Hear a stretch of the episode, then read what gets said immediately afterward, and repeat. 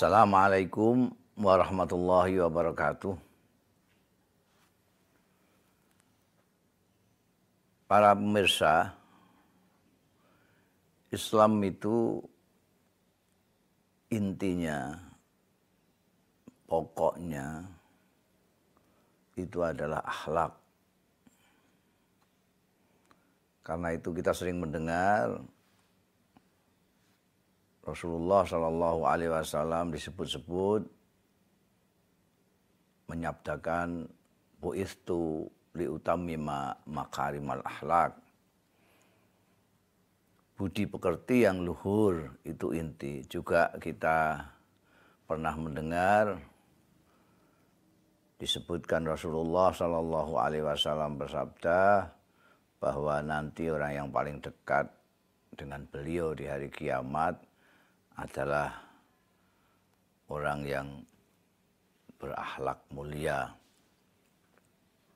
Budi luhur atau akhlak al-karimah, al-akhlakul karimah itu merupakan pertanda dari keberagamaan seseorang muslim.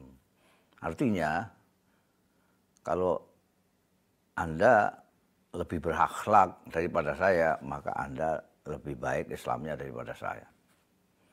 Untuk menandai orang itu lebih di dalam beragama Islam adalah akhlaknya. Bukan salatnya, bukan wiridannya, bukan apalagi pakaiannya dan sebagainya. Yang penting akhlaknya.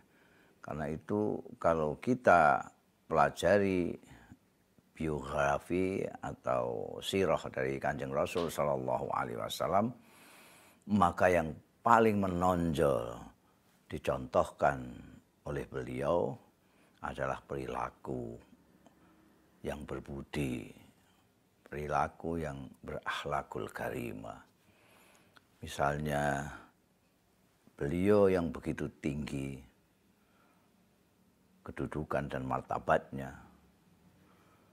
Beliau begitu tawaduk, tidak pernah menyombongkan diri beliau tidak pernah kasar terhadap orang lain. Meskipun itu misalnya anak buahnya.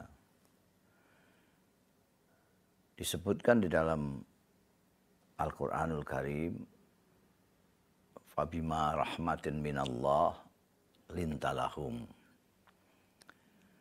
Rasulullah Shallallahu Alaihi Wasallam mendapat rahmat dari Allah Subhanahu Wa Taala dan Karenanya Rasulullah dianugerahi kemuliaan kelembutan hati. Kita akan bicarakan soal akhlak ini lebih lanjut.